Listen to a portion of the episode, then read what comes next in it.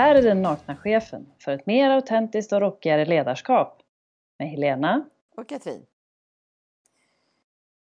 Årsrik är ett ord som har dykt upp. Jag såg det, läste det i tidningen i morse till exempel. Mm -hmm. Är du årsrik Helena och vad betyder det i så fall? Årsrik, betyder det ha många år på nacken eller? Ja, jag tror att det är det man menar. Istället för att säga gammal eller äldre utan så säger man årsrik för att ja. få någon slags positiv twist på det. Ja, det tror, det tror jag man får betrakta sig som. I alla fall så när man har korsat 50-strecket va? Ja, okej. Okay. Det känns så för mig, så jag, jag får nog betrakta mig som årsrik. Vi börjar bli årsrika alltså? Ja, helt klart. Behövs det ett positivt, liksom ett annat, nyare ord på det? Alltså det har ju under, ja, man kan säga så här, det har ju under många år pratats om års, åldersdiskriminering och allt möjligt på, på arbetsmarknaden. Jag har funderat en del på det där. Vad är det som är intressant och vad är det som är kompletterande istället eh, när det gäller olika åldrar? Jag menar, få in nya unga personer så brukar man säga ja men de är hungriga, har större tillgång till all typ av ny teknik. Det är liksom, brukar vara en tanke man har när det gäller dem. Att de liksom automatiskt kan någonting på grund av sin ålder som inte de andra e kan. Exakt, och då har jag tänkt tvärtom också. Jaha, men är det så att då, med erfarenhet kan man också automatiskt någonting som, som inte de har? Och, och det tycker jag är rätt spännande att se att ja, jag är rätt övertygad om att det är så. För att många beslut vi fattar, många saker vi överhuvudtaget har för oss i, i näringslivet. Man har gjort någonting i närheten tidigare och det drar man slutsatser av och man har en erfarenhet av som gör att man snabbare kan hitta ingångar eller lösningar på olika problem. Det, så känns det för mig. Och man behöver kanske inte ägna lika mycket tid åt, åt research för ett visst problem. Så du kan på något vis vara effektivare när du lutar dig mot erfarenhet? Absolut. Men tappar det... du någonting då? Vad, vad, är, vad är det som gör dig sämre eh, idag det... jämfört med när du var, inte vet jag, 25? Är du lite tröttare? Jag, kan, jag är nog lite tröttare och det kan hända att jag ibland kan man nog luta sig, eller jag kan nog luta mig för mycket på erfarenheten. Lite bekvämare kanske? Lite bekvämare och kanske att jag inte tar in i lika hög grad allt, alla nya saker. För att jag gör en snabb kalkyl i huvudet och så bas, baseras ju den, all, som allt vi gör, på vår egen erfarenhet som vi har. Ah. Så att eh, då kanske jag inte tror att jag behöver lära mig eller läsa in mig eller vad det nu kan vara. Du sitter nöjd lite mer? Jag sitter lite mer nöjd, exakt. Aha. Har du mm. varit drabbad av åldersrasism? Alltså personligen kan jag väl inte riktigt påstå det. Att jag har det. Däremot har jag vänner som upplever att de har varit det. Att man i, i anställningsförfaranden och sådana saker. Hur har det märkts? Eh, att man som arbetsgivare prioriterar ålder. Det ser man i, särskilt tidigare tycker jag, inte nu längre kanske, men så såg man det väldigt tydligt i, i anställningsannonser att det var tydligt uttryckt en ålderskategori. Mm. Och den var väldigt sällan uttryckt över 50 kan man säga. Den låg där mellan, du, du ska vara 30 till 40 eller någonting sånt. Mm. Hur, hur upplever du det Katrin? Ja, alltså om jag tänker på det första så vad, på vilket sätt har jag förändrats med åldern? Mm. Ja, det är klart jag har det, men överlag tycker jag inte så mycket som jag trodde att jag skulle. Jag hade ju en förväntan på, på en positiv grej med att bli äldre. Det finns många positiva saker med det, men, men en förväntan hade jag och det var att jag skulle liksom på något vis lugna ner mig och inte vara lika ivrig och inte kicka igång lika många saker och inte ha lika stora mm. förväntningar mm. och, och, och så.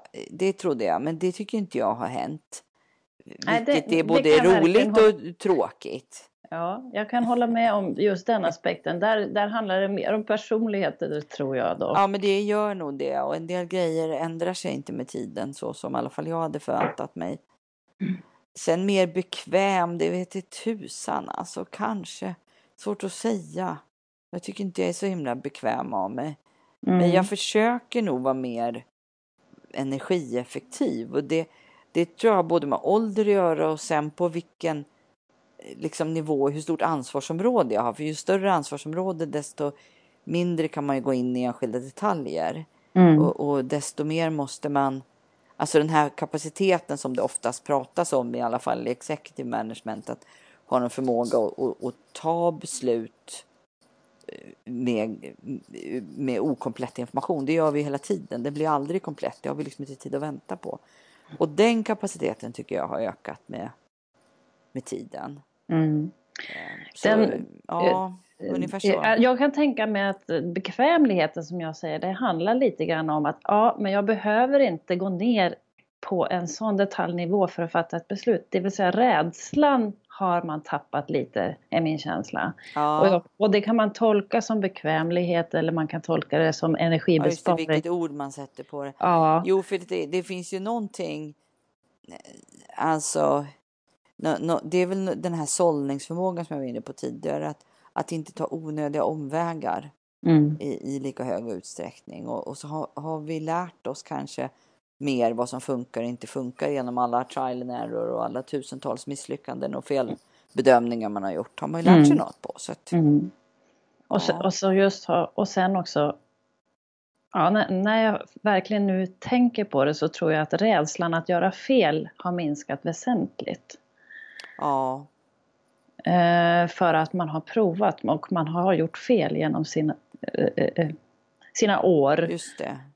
Och så märkte vi att det kunde ju bli jobbigt. Det kunde till och med bli väldigt jobbigt, men det ja. överlevde vi ju. Ja, vi har överlevt dem, så därför finns inte just den, det är okej okay på något sätt. I den här artikeln som jag nämnde, som jag läste i morse, mm. då, då fanns det någonting om för mycket skinn på näsan jag tolkar det som att det, det, kunde handla om det här att, att det blir svårare. För de var också inne på att det blir mycket, mycket svårare att, att få ett jobb ju längre upp i åldern man kommer och efter 40 till och med, men absolut mm. efter 50 och sådär. Mm. Eh, och att det kunde handla om för mycket skinn på näsan. Vad tänker du om det?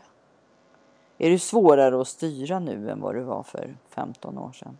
Ja, det, det skulle jag nog vilja påstå om, man nu, om det nu handlar om styra jag är duktigare på att lyssna och har något mer tålamod i alla fall än vad jag hade då. Men jag är fortfarande väldigt nyfiken.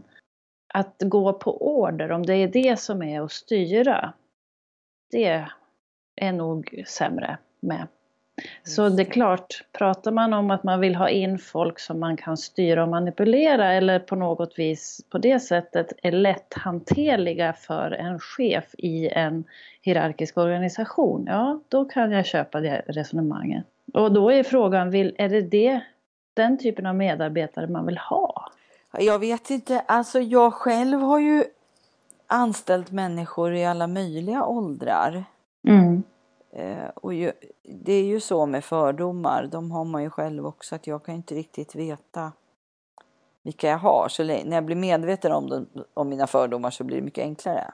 Mm. Så länge jag är omedveten om dem så, eh, så är det ju på ett annat sätt. Och, mm. och jag, jag kan inte riktigt känna igen det där, men jag har också respekt för att de som påstår det, så det skulle vara intressant att dyka vidare i eller Kanske mm. få någon kommentar från någon som vet mer om det. Vad finns det egentligen för forskningsbas för som handlar om åldersrasism? Mm. Och vilka upplevelser finns det? Jag vet ju att väldigt många, inte minst kvinnor, mm. Eh, har upplevt det. Att de kommer inte fram i rekryteringsprocesserna. Det är väl mest där jag har hört talas om det.